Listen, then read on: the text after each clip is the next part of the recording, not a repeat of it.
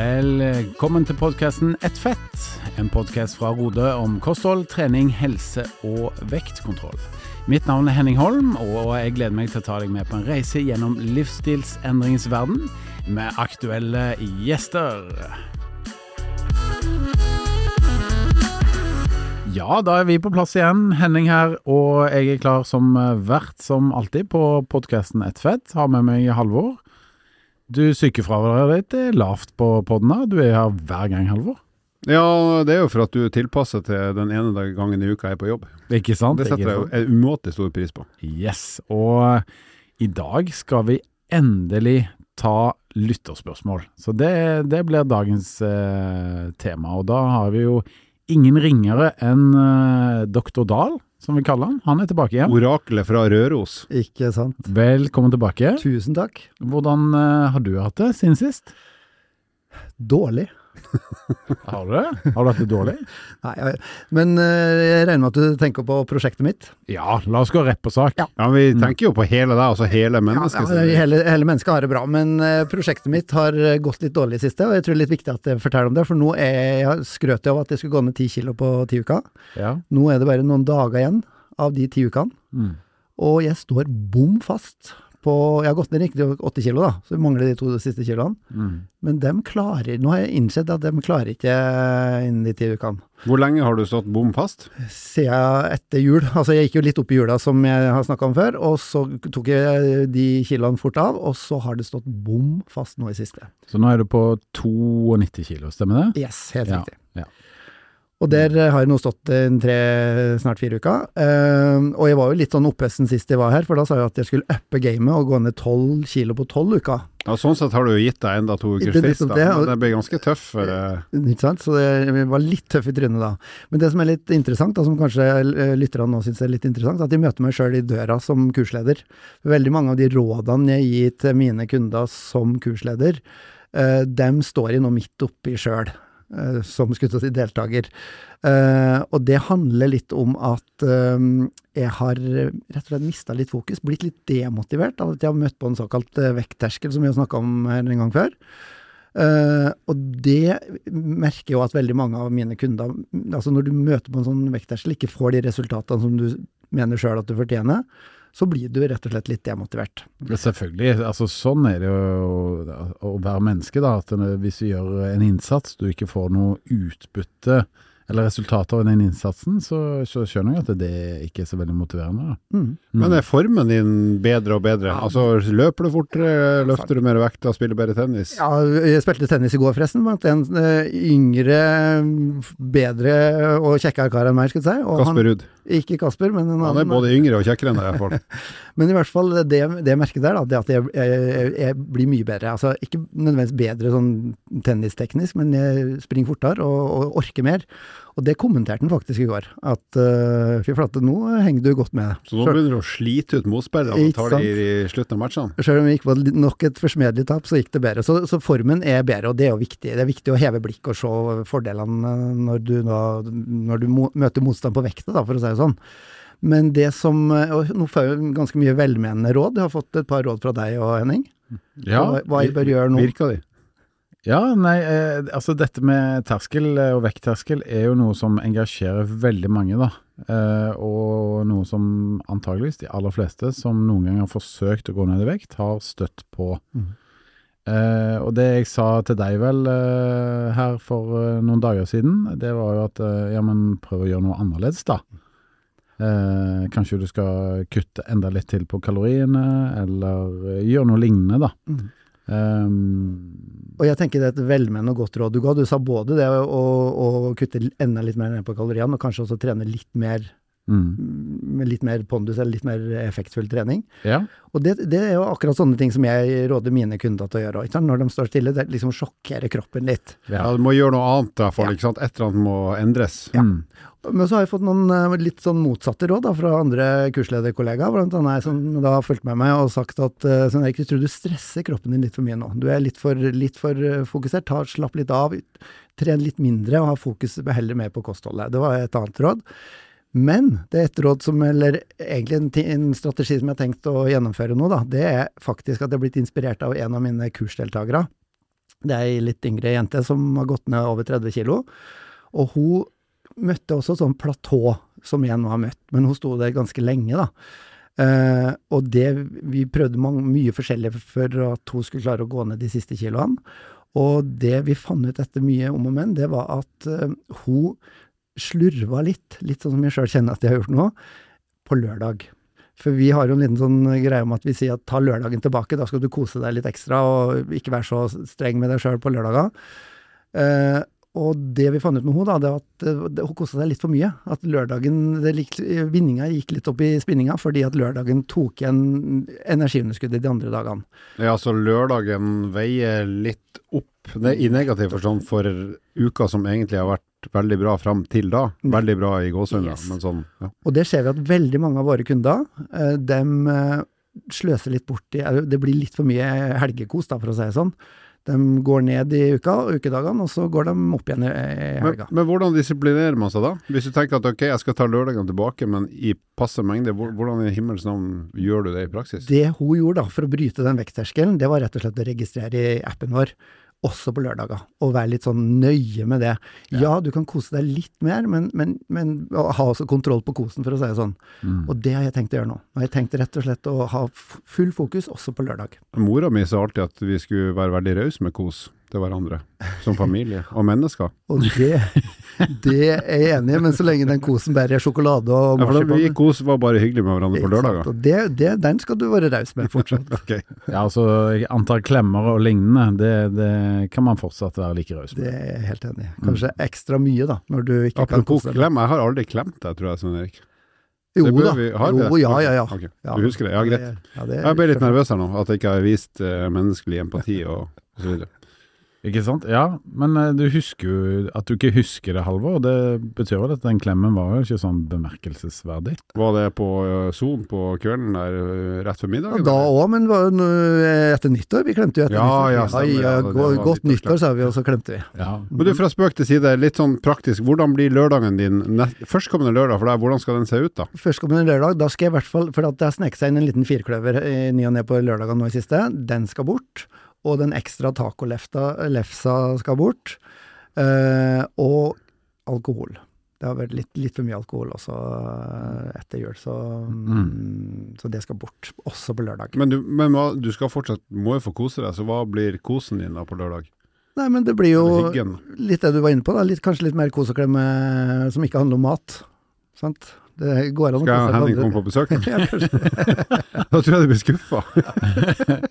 Men uh, veldig bra. Og dette med de, eh, den, eh, den terskelen, det er jo noe som veldig mange kjenner seg er igjen i. Så jeg syns det er fint at du er såpass åpen om det, og deler, rett og slett. For det tror jeg er motiverende for andre. Jeg tror de aller fleste som går ned, og i hvert fall de som går ned mye vekt, da, nå skal ikke jeg påstå at de har gått ned så mye, men, men de som går ned mye vekt, de støter på sånne motstander. og Det trenger ikke nødvendigvis være en vektterskel, men de møter motstand, og de, de blir demotivert i perioder. Og det, det må man liksom bare prøve å komme seg utenom. Altså, Ja, kroppen er ikke et Excel-ark der du har ei sånn rettlinje og kurve ned eller opp på vekt. Det, det er, den er litt hakkete. helt, helt klart. Bra. Eh, hvordan står det til ellers, da, før vi går i gang med dagens eh, lytterspørsmål? Eh, grønnsakene de, de inntas, og formen er god? Halvor? Ja, jeg, jeg er fortsatt i rute til å være flinkere hver dag i snitt i 2023 på grønnsakinntaket primært. Det skal jeg si at det er nok primært grønnsakinntaket mitt, ikke så mye frukt. Men jeg har jo sagt frukt og grønt som en sånn der uh, samlebetegnelse, så jeg, jeg er fortsatt daglig bedre enn fjoråret på frukt og grønt. Men jeg, neste terskel jeg skal over da, det blir jo at jeg skal være flinkere på fruktinntaket òg. Men det er jeg nok vanligvis fra med påske, for da er det liksom appelsiner og litt mer sånn frukt som står på menyen siden det blir varmere i været. Sesongens frukt? Bra. Men, Vet- men, ja. men eh, Halvor, jeg kommenterte jo i går senest i kantina. altså Jeg syns du spiser litt ensidig. for at eh, Enten så har du en halvkilo paprika på knekkebrødene dine. I går så var det ikke noe paprika igjen. Da var det en halvkilo agurk. Ja, men det er jo ikke ensidig, det er jo kjempefleksibelt. Vet du hva som skjedde i går kveld? da? Jeg, jeg var litt sånn fysen, så gikk jeg mot kjøleskapet. Helt sånn ubevisst, for jeg tenkte på noe helt annet. Så lukket jeg opp døra, jeg hentet ut ei svær gulrot, og så begynte jeg å knaske på den. Ja. Strålende, det er jo Helt utrolig. Det var eh, sånn eh, Hvis jeg hadde vært til stede da, så hadde jeg ringt 113. Ikke sant? Ja. Jo, men det er mange av, eh, igjen av våre kunder som er veldig opptatt av Hun eh, Hun hun der som vi snakka om i stad, som da må ta lørdagen tilbake, hun kaller det strategiske gulrøtter. Og, ja. og har de uh, gulrøtter klar i lett, lett tilgjengelig, som hun spiser eh, I nattbordskuffen òg. Ja, kanskje det. Bra. Da tror jeg vi legger kofferten tilbake i skapet, og så tar vi to sekunder til En eh, koffert full dette av her, gulrøtter. Før vi eh, kjører dagens tema. Hei, dette er Henning fra podkasten Et fett. Visste du at Rode nå har lansert et medlemskap? Med medlemskapet så kan du gå ned i vekt, holde på vekten, eller rett og slett bare kontrollere at vekten ligger der han skal. Så ta en titt på hjemmesidene våre på rode.com. Velkommen til oss. Yes, lytterne våre de er jo veldig flinke til å komme seg inn i Facebook-gruppa vår som heter podkasten Et eh, fett. Og der har de vært så flinke at de har stilt oss en god del eh, spørsmål, og episoden i dag den er via til å ta en gjennomgang av eh, ja, av disse spørsmålene. Og jeg skal ta en god gjennomlesning her eh, fra en som heter Fredrik, eh, som har skrevet inn eh, en, et spørsmål som gjelder hans aktivitet. Og han skriver det. Når jeg satt på sykkelrulla i den iskalde kjelleren min, så tok jeg på meg en fleecejakke til å begynne med på økta. Men dypt konsentrert i både Netflix og Swift, eh, Swift, så glemte han helt å ta jakken av. Bare for å si det, Swift er et program for de som driver og sykler innendørs. Det er det, vet du. Um, og resultatet var en god del mer svetting enn når han eh, bare hadde sykkeltrøye på. Og og også så sier han det at ofte så ser vi jo brytere og boksere som kler godt på seg når de skal trene, eller sitter i badstue for å gå ned en vektklasse. Så spørsmålet er, har vi eh, vanlige dødelige noen effekt av å trene hardt med for mye klær på? Vil svetting gi noen effekt, annen effekt enn eh, væsketapet da, som følger med? Kan han da gå raskere ned i vekt, eksempel? Eller eh, vil han bare være bedre forberedt den ene dagen det tilfeldigvis er godt og varmt ute, over 20 grader, og vindstille når det er sykkelritt? Ja, jeg titter jo på deg her da, Halvor. Det gjør du støtt og stadig, Ja, med god grunn. For maken til kjekkas har du vel sjelden sett. Ingen kommentar. Men eh, vil du ta for deg eh, Yes. spørsmålet? Jo, det er et godt spørsmål, eh, Fredrik. Jeg skal, jeg skal svare på det i flere deler. Nummer én, hvis vi tenker treningseffekten av å trene med mye klær, og dermed svette mye og bli veldig varm, så er jo det nå i utgangspunktet vi har tenkt at det har ikke så mye for seg. For det at ja, du mister mye væske fordi at du blir varm, men du blir jo så slapp etter hvert at du klarer ikke å trene spesielt hardt.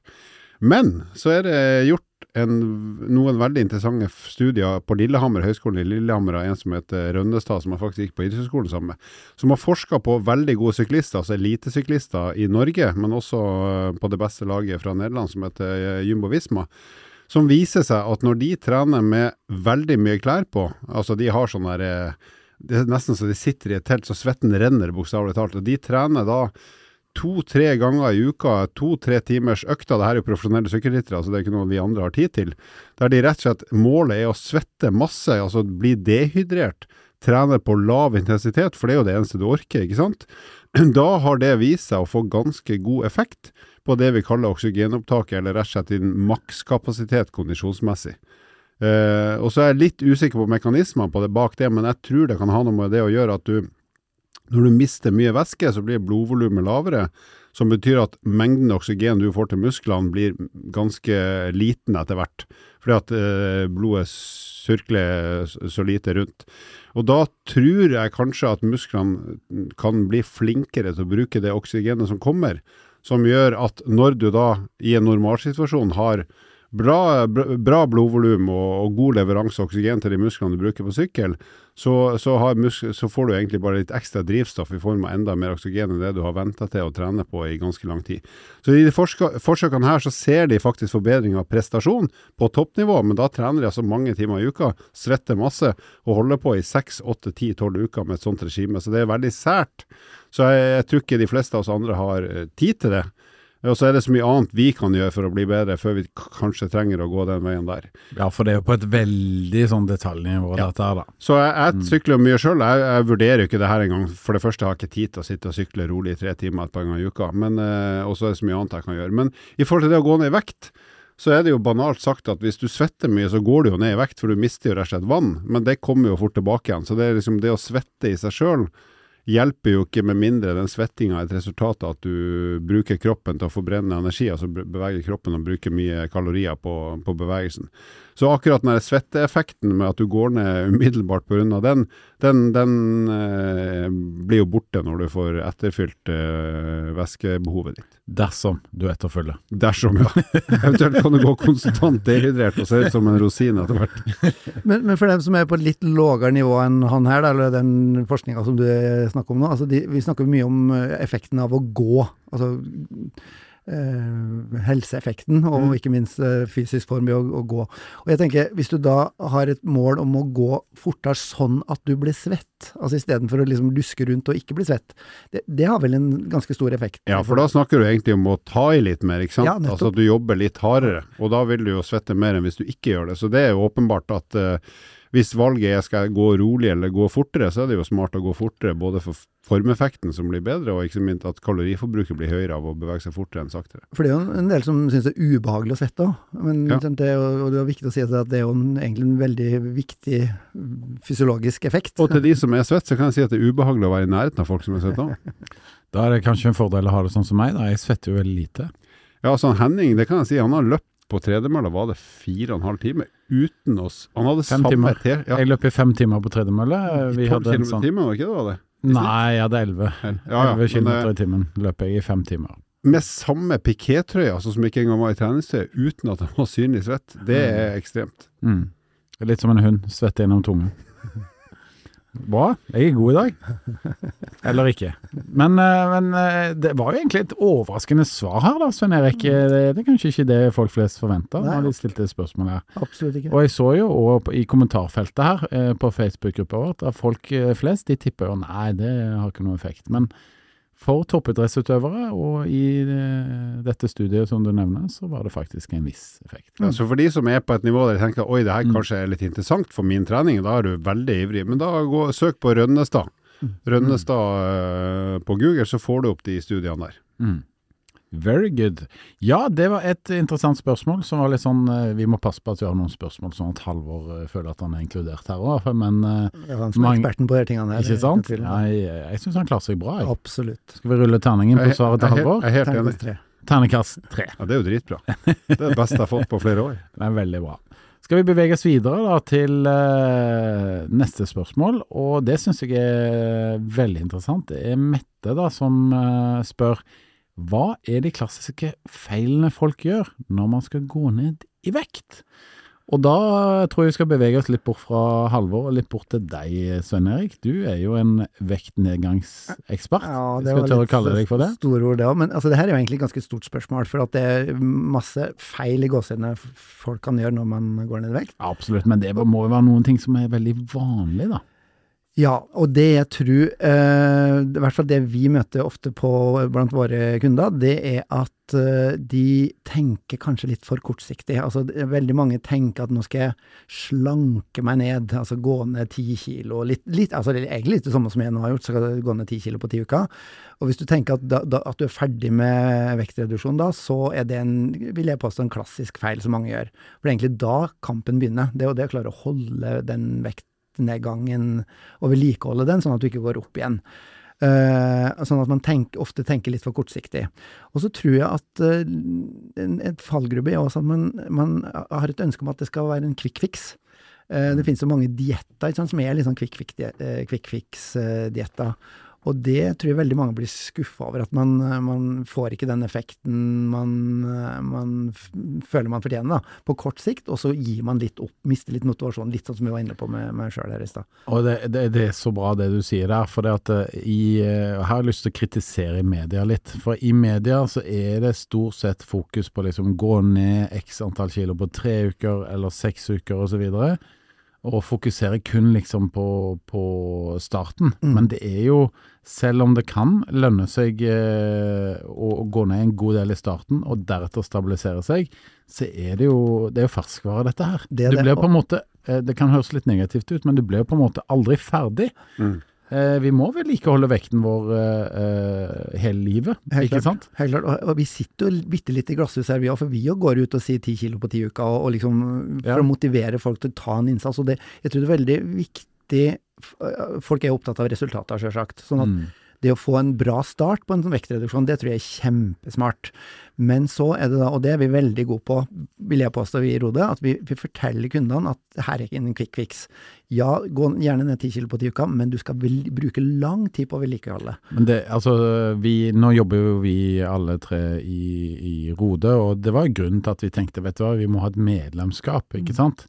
Jeg skal ikke brodere masse ut om det, men det er jo fordi at eh, hvis du eh, skal gå ned i vekt og holde på vekten din, så krever jo det at du faktisk investerer tid. Absolutt. Tid er kanskje den viktigste investeringen du faktisk gjør, ikke sant? Hvis jeg kan skyte inn én ting til. eh, Det er jo, og det er gjerne ikke feil, men, men, men eh, ganske snart når man har begynt å gå ned i vekt, så er det lurt å bevege seg sånn at fysiologien og kroppen din enklere hjelper deg til å holde vekta når du kommer ned i den vekta du trives i. Det er jo egentlig det dere har snakka litt om. Så, så det å komme i bedre form, kanskje spesielt kondisjonen, som jeg gnåler mye om, det vil hjelpe alle både ned i vekt, men spesielt når de på en måte har landa vektmessig, sånn at de har et fysiologisk, kroppslig instrument som, som er, gir mer resultat fordi at formen tilsier at de får mer utbytte av treninga. Sånn som du egentlig opplever, Svein Erik. Selv om du nå er i en sånn vektterskel, så, så har jo du en forbrenningsevne og en form nå som er bedre enn for ti uker siden, som gjør at hver økt gir høyere kaloriforbruk, og som også gir deg en større Det blir en større del av verktøykassa di når du skal regulere vekta di etter hvert. Og det tror jeg er inne på kanskje det som jeg, mener er det viktigste, da, eh, som man må ha klart for seg når man ønsker å gå ned i vekt og bli der, det er at man må trene på endring av vaner. Og det er veldig mange som kommer på kurs hos oss som sier at jeg er ikke noe glad i å trene. Og vi oppfordrer dem da til til å begynne å trene, og, og, og, ha, ha fokus på at det skal være lystbetont. For at du må trene på å begynne å like de vanene som du skal endre det til. Ikke? Du skal like å, å leve mer sunt, og det tar tid, altså. Sånn at uh, vi øh, og, Alle har vi forbedringspotensial på, på enkelte ting. Du har på grønnsaker, Halvor, Og frukt. og frukt. Og hår. Og veldig mange av våre kunder har et forbedringspotensial på å være mer fysisk aktiv. Og da, da begynner de små, mens man går ned i vekt. Selv om vi vet jo at, tre, det er kostholdet som er viktigst for, å, for, at kiloene skal Ja, gå fort ja. av. Det vet vi. Men at hvis du da har begynt å trene på, på bedre eh, vaner når det gjelder fysisk aktivitet, så har du, har du kommet mye, mye lenger. Ja, jeg har et lite bilde på det, og det at eh, veldig mange ble jo lei av å telle kalorier osv., men samtidig så er jo dette med kaloriforbruk eh, veldig viktig oppi dette her, for det, det handler ikke bare om hva du spiser. Men eh, hvis du derimot legger på en del aktivitet hver dag, enten aktivitet eller faktisk også trening, eh, så får du et snillere regnestykke. Du, du kan spise mer kosemat. Du kan ha flere sånne koselørdager, eh, Svein Erik, dersom du faktisk eh, påvirker ditt eget eh, kaloriforbruk da, i, eh, i en eh, positiv retning. Absolutt. Og så Mm. får du den lille endorfinrushet når du trener, som også er viktig, tror jeg, også motivasjonsmessig. Å kjenne at det, det, det gjør godt for kroppen. Det gjør det jo Yes. bedre med, med å faktisk være fysisk aktiv, enn nødvendigvis å endre på kostholdet. Eh, Mm. så, så det er viktig. Veldig bra. Men eh, apropos dette med at aktivitet er veldig fint i den sammenhengen her. Eh, vi har eh, fått eh, spørsmål fra ei som heter Jorunn, og dette er jo en lissepasning til Laustad og hans kompetanse, men det, hun skriver at eh, hun har begynt å trene en del, men veldig usikker på hvordan man bør trene for å gå ned i vekt. Jo mer jeg leser, jo mer forvirra blir jeg. Noen sier styrketrening pga. økt muskelmasse og mer hvileforbrenning, mens andre sier eh, kondistrening på lav intensitet, og andre igjen sier kondistrening med høy intensitet. Hva er rett? Og det spørsmålet er bra, fordi at det, finnes jo, eh, eh, som hun sier da, veldig mange som påstår litt ulike ting, og hvis du googler dette og begynner å lese, så, så skjønner jeg at du blir litt forvirra, da. Eh, så kan du bidra til å rydde opp i, i dette her litt. Ja, jeg tror faktisk jeg skal få til det. For det er helt riktig at det er veldig mange sterke meninger om hva som er mest effektivt. Og for de som har peiling, så kan de ha gode grunner til å hevde det ulike ting også. Så, men hvis vi tenker at trening nå er kun et regnestykke, så glemmer vi følelser og alt mulig der, men bare tenker effekt. Selv om det høres kynisk ut, så kan vi si følgende at muskulatur forbrenner mer enn fettmasse og skjelett i hvile, men det er ikke kjempemye mer. Så én kilo muskelmasse forbrenner sånn røftlig 12-13 kalorier per døgn i hvile. Sånn at argumentet med å trene styrketrening for å øke muskelmassen ramler litt bort, fordi at du må trene ganske mye, eller veldig mye styrketrening over lang tid for å øke muskelmassen med ganske mange kilo. Så, så der mener jeg styrketrening som argument for å skape høyere forbrenning er dårlig for det styrketrening i seg sjøl ikke gir særlig mye forbrenning, for det, er veldig mye pauser. Men styrketrening er smart for å i hvert fall ta vare på den muskelmassen du har, og for å skape en robust kropp. Så det er hovedargumentet for styrketrening. Så jeg vil anbefale Jorunn å gjøre noe styrketrening for å ta vare på styrken og muskulaturen du har, i hvert fall. Men ikke, ikke så mye at uh, Ikke tenk at du får masse, mye høyere hvileforbrenning pga. det, men ta vare på det du har. Så er det til kondistreninga det er jo der du kan både holde på ganske lenge, og eh, vedvarende, i hvert fall med korte pauser, og også forbrenne ganske mye. Sånn at mitt klare tips der er at når du trener kondisjonstrening, så tren med så høy intensitet som mulig når du trener, men det må være ut fra egen form. Eh, så type hvis du er i form til å gå, og du kan gå en halvtime eller tre kvarter hver dag, så gå så fort du kan. Ikke gå så sakte du kan og tenke at da forbrenner jeg mest fett, men gå så fort du kan, for da vil du rett og slett, jo fortere det går, forbrenne mer og mer. Eller som du gjør, Sånn Erik, når du trener intervalltrening to ganger i uka, da trener du jo med høy intensitet, som betyr at du flytter på kroppen ganske fort, og da forbrenner du mye i selve treninga, samtidig som du gir kroppen din en forbedring av kondisjonen, som igjen gjør at du kan løpe enda fortere uka etterpå, enda fortere uka etterpå, som hele tida genererer et høyere og høyere kaloriforbruk i treninga, og også faktisk sannsynligvis i hvile. Pluss at det som motiverer meg for, til den treninga du har lagt opp til til meg, det er at du har sagt at eh, det, både, det styrker hjertet ditt. Det, det, får hjertet til å slå hardere og fortere. Og det, det er i hvert fall en god motivasjon. Det tenker jeg. Hjertet skal jo slå til jeg blir i hvert fall 100 år. Ja, og du skal, ja, ikke sant? du skal bli 100, ja. Da dør du etter meg. Du skal bli verdens beste treningsspiller innen 100. så til Jorunn så vil jeg si, tren litt styrketrening sånn at du tar vare på den muskulaturen du har, men bruk mest mulig av den tida du har til trening og bevegelse, til kondistrening. Og når du trener kondis, så gå eller beveg deg så fort du kan, uten at det blir kjempeubehagelig. Men når du har valget mellom å ta det med ro og ta i litt, så ta heller i litt, for da forbrenner du mer og får en større formeffekt. Og så vil jeg si i tillegg, i de dagene du ikke trener, sørg for å gå deg en lang tur. For den forbrenningen der òg, selv om det ikke teller som trening i mange øyne, den, eh, den forbrenningen, forbrenningen, legger seg på toppen av alt det andre du gjør. Ja, så da kan du liksom si at hvis du trener to-tre ganger i uka, da, så da kan du trene hardt, og så blir hviledagene dine blir aktive bevegelsesdager, som Henning sier, der du får bevega deg og forbrenner den på det, men der du får lov å ta det med ro. Så du må ikke liksom trene hardt hver dag, det er ikke noe poeng. Mm. Men to-tre ganger i uka er helt supert. Yes.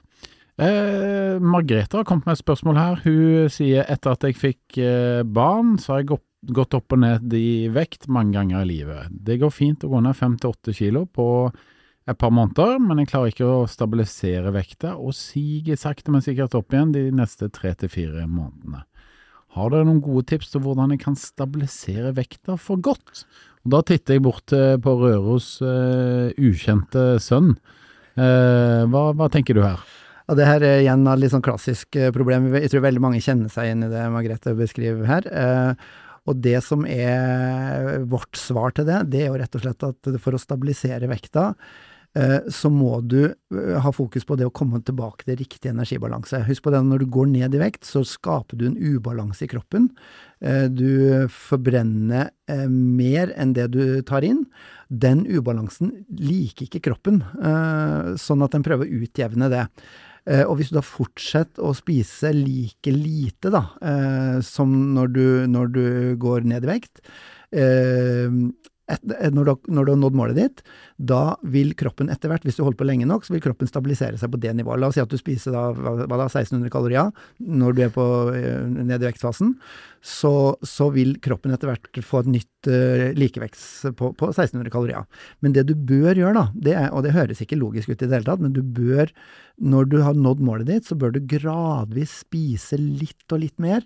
Sånn at du prøver å, prøver å spise så mye som mulig uten at du går opp igjen i vekt. Og da må du være veldig sånn nøysom med hvordan du trapper opp. Og det kan være lurt å ha en, en mentor eller en veileder til å hjelpe deg der, for det, det, det, er ikke lett. altså. Det er kanskje den vanskeligste fasen i en vektreduksjon. Og Hvor mye øker man da f.eks. per dag? For da tester du ut f.eks. uke for uke bitte litt mer, er det det man gjør? Ja, og, og, her er litt interessant, for at, uh, vi sier jo at uh, på den, vår vanlige metode, da, uh, så sier vi at du bør ha et energiunderskudd på 700-1000 kalorier. ikke sant? Og La oss si at du har gått ned 10 kilo da, og har fortsatt et energiunderskudd på 700-1000, så bør du gradvis gå opp igjen. Du skal ikke opp igjen helt til, til 1000, for jo, kroppen din har jo blitt mindre, ikke sant? og da trenger du litt mindre energi. Så la oss si at du skal opp igjen halvparten, da, 500 kalorier kanskje. Det her er jo store individuelle forskjeller, men det du bør gjøre, er at du bør gradvis sånn, ta en uke av gangen, kanskje flere. Trappe opp med kanskje 100 kalorier, og så, og så videre. Helt til du kjenner at nå har jeg ikke noe mer å gå på, nå må jeg stoppe. Og da skal du trene på å ligge der. Mm. Og, og, det bon, Jeg bruker å kalle det en bonus. La oss si at du hadde i utgangspunktet spist 1600 kalorier når du, når du gikk ned i vekt og du klarer å, å, å, gradvis bygge opp sånn at du kommer opp til la oss si 2000 eller 2100 kalorier, så det, da kan du faktisk spise 500 kalorier mer mm. hver dag resten av livet, og, og likevel holde vekta. Og det her er viktig. Men kan det òg være et uh, poeng at uh, selv om vi alltid anbefaler at du både skal trene og, regulere kostholdet ditt, men at det kanskje i første fasen her at du fokuserer veldig mye på kostholdet, og at i neste fase, nå skal stabilisere, at du da fokuserer da på ja, selvfølgelig holde kostholdet sunt og godt og passe mengde, men at du da fokuserer mer på trening. Ja, Helt riktig. Altså, som en grunnprinsipp, da. Ja, helt riktig. Og det er derfor, jeg, som jeg sa i stad, er veldig lurt da, mens du øh, er nede i vektfasen, også trene på å være mer fysisk aktiv. For da blir det lettere å holde den aktiviteten oppe, og kanskje øke den enda litt mer når du skal stabilisere vekta.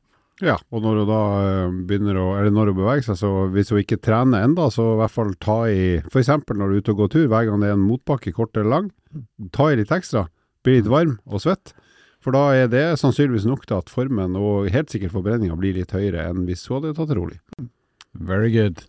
Ja, uh, nytt spørsmål. Vivian uh, spør, sier først og fremst her veldig bra podkast, lett og motiverende. Det sier vi tusen takk for. Um, hun eh, planlegger ca. 30 kilos vektreduksjon og mer aktivitet i hverdagen, men regner med litt motstand kilomessig pga. lavt stoffskifte. Er dette noe dere kan ta opp?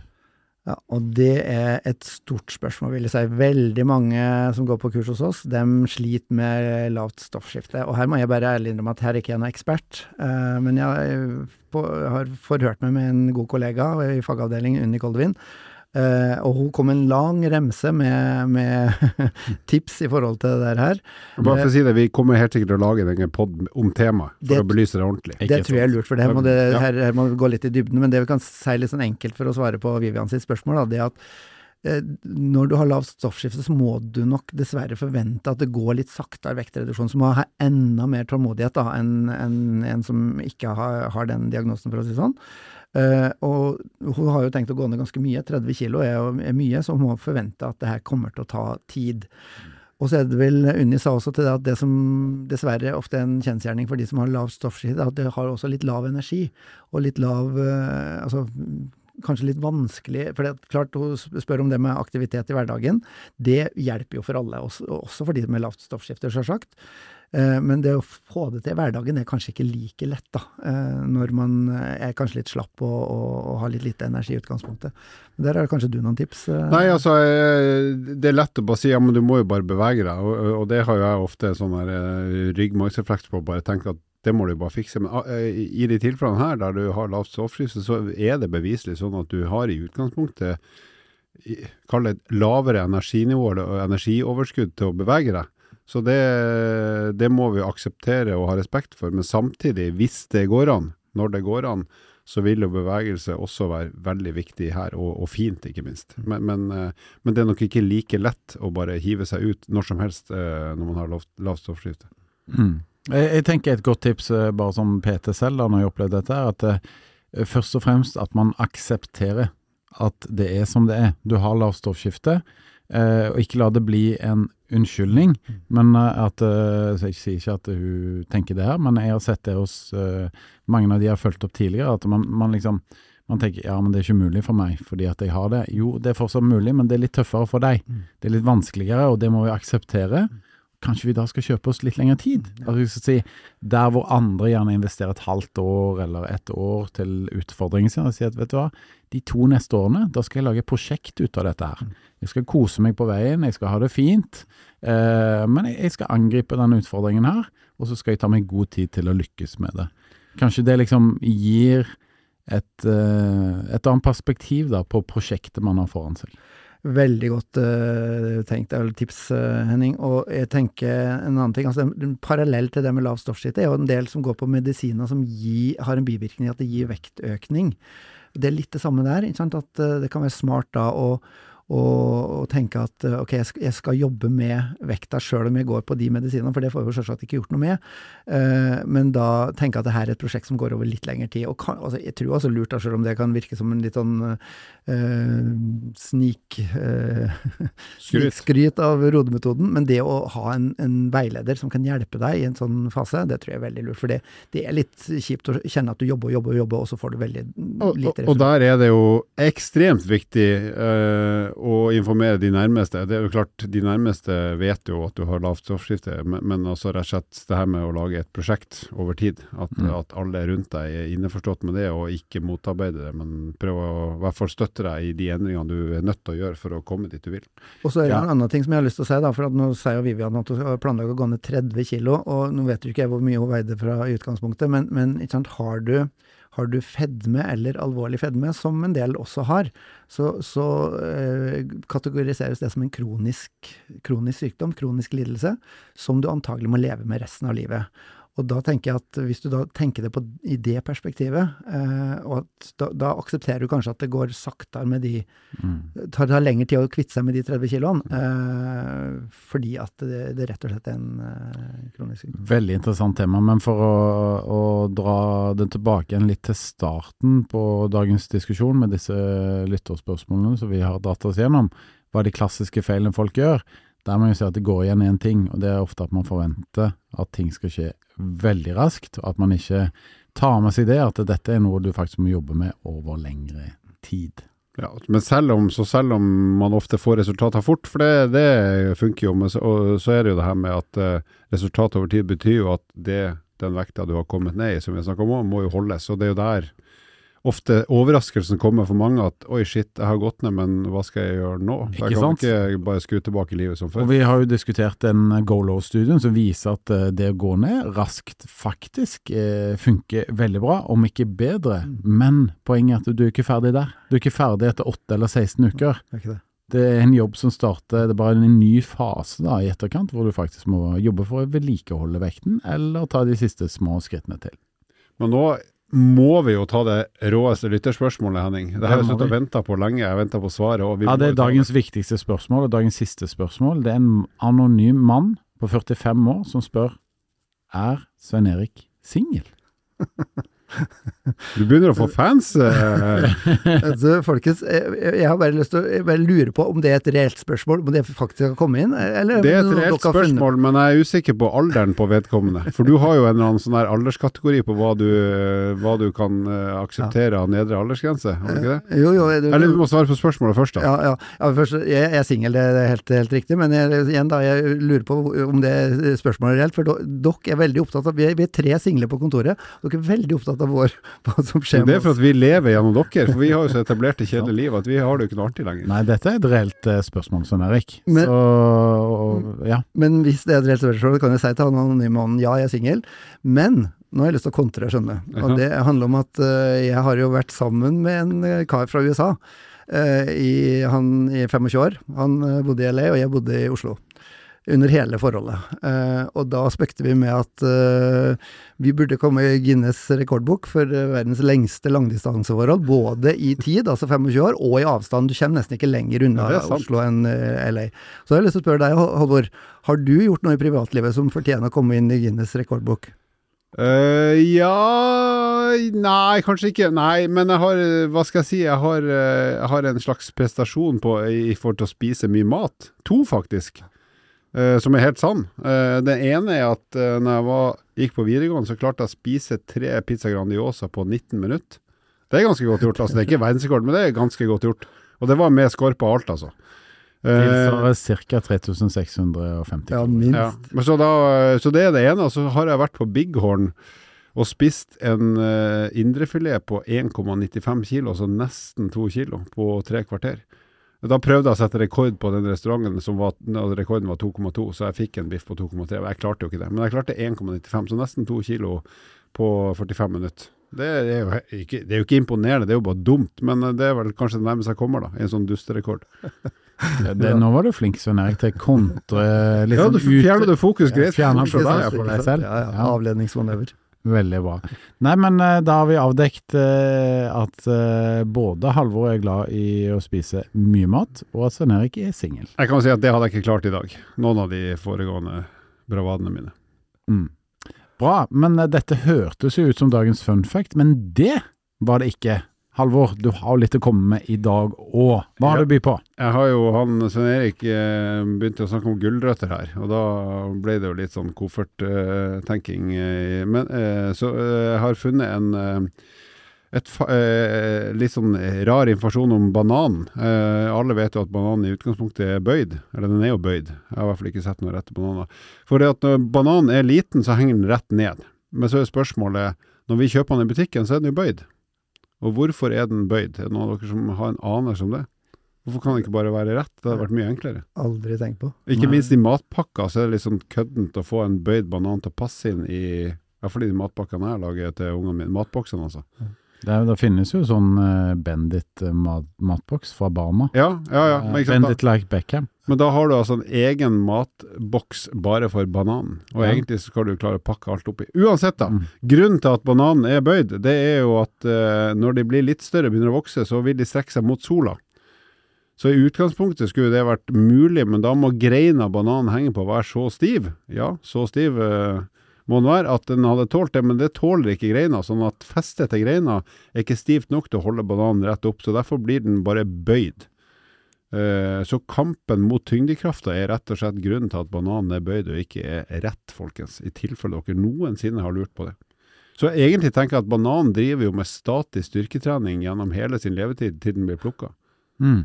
Og det er kanskje derfor det er mye stivelse nå, er ikke det, Sneik? Det jeg lurer på, hvor finner du all den eh, informasjonen om her fun facts? Ja, denne gangen er faktisk kilden Dr. Drop-in, så det tror jeg den er en ganske reliabel kilde, tror jeg. Mm. Jeg har ikke tenkt på det sjøl, åpenbart. Så det er en fordel at han er bøyd, da. Jeg syns jo det er dumt, men øh, ja. Mm. Ok. Henning, du åpna åpner kofferten igjen, du? Ja, du, du, du, du betalte for eh, to kofferter i dag, Halvor. På, Det er greit. Det er greit. på- Overvekt. Yes. Bra. Nei, men uh, tusen takk for veldig gode svar, eh, gentlemen. Dette har vært en uh, flott episode, og vi oppfordrer alle lytterne våre til å fortsette å komme med lytterspørsmål, fordi det blir veldig interessante og morsomme podcaster av det. Og hvor er det vi kan stille spørsmål? Det er inne på Facebook-gruppa vår på, eh, som heter Ett fett. Så eh, der er det bare å kaste det inn, og så tar vi opp eh, de spørsmålene som er mest relevante, og som passer godt inn i podkasten. Har du eventuelle henvendelser der på det private planet òg, eller vil du ikke det? Overhodet ikke. Nei, det henger et annet ikke. sted. Greit. greit. Da vet dere det, folkens. Med det som de siste ord, så tror jeg vi sier takk for i dag. Vi ønsker alle lyttere en riktig fin uke, fullt av sunt kosthold og mange treningsøkter. Vi ses igjen snart. Takk for at du lytta på nok en episode med podkasten Ett fett. Dersom du er interessert i å lese mer om eh, livsstilsendring, gå inn på Rode-magasinet på rode.com. Vil du stille oss spørsmål som vi kan diskutere i en episode, ikke vær redd for å sende inn på Facebook eller Instagram hos eh, Rode. Til neste gang, vi hørs.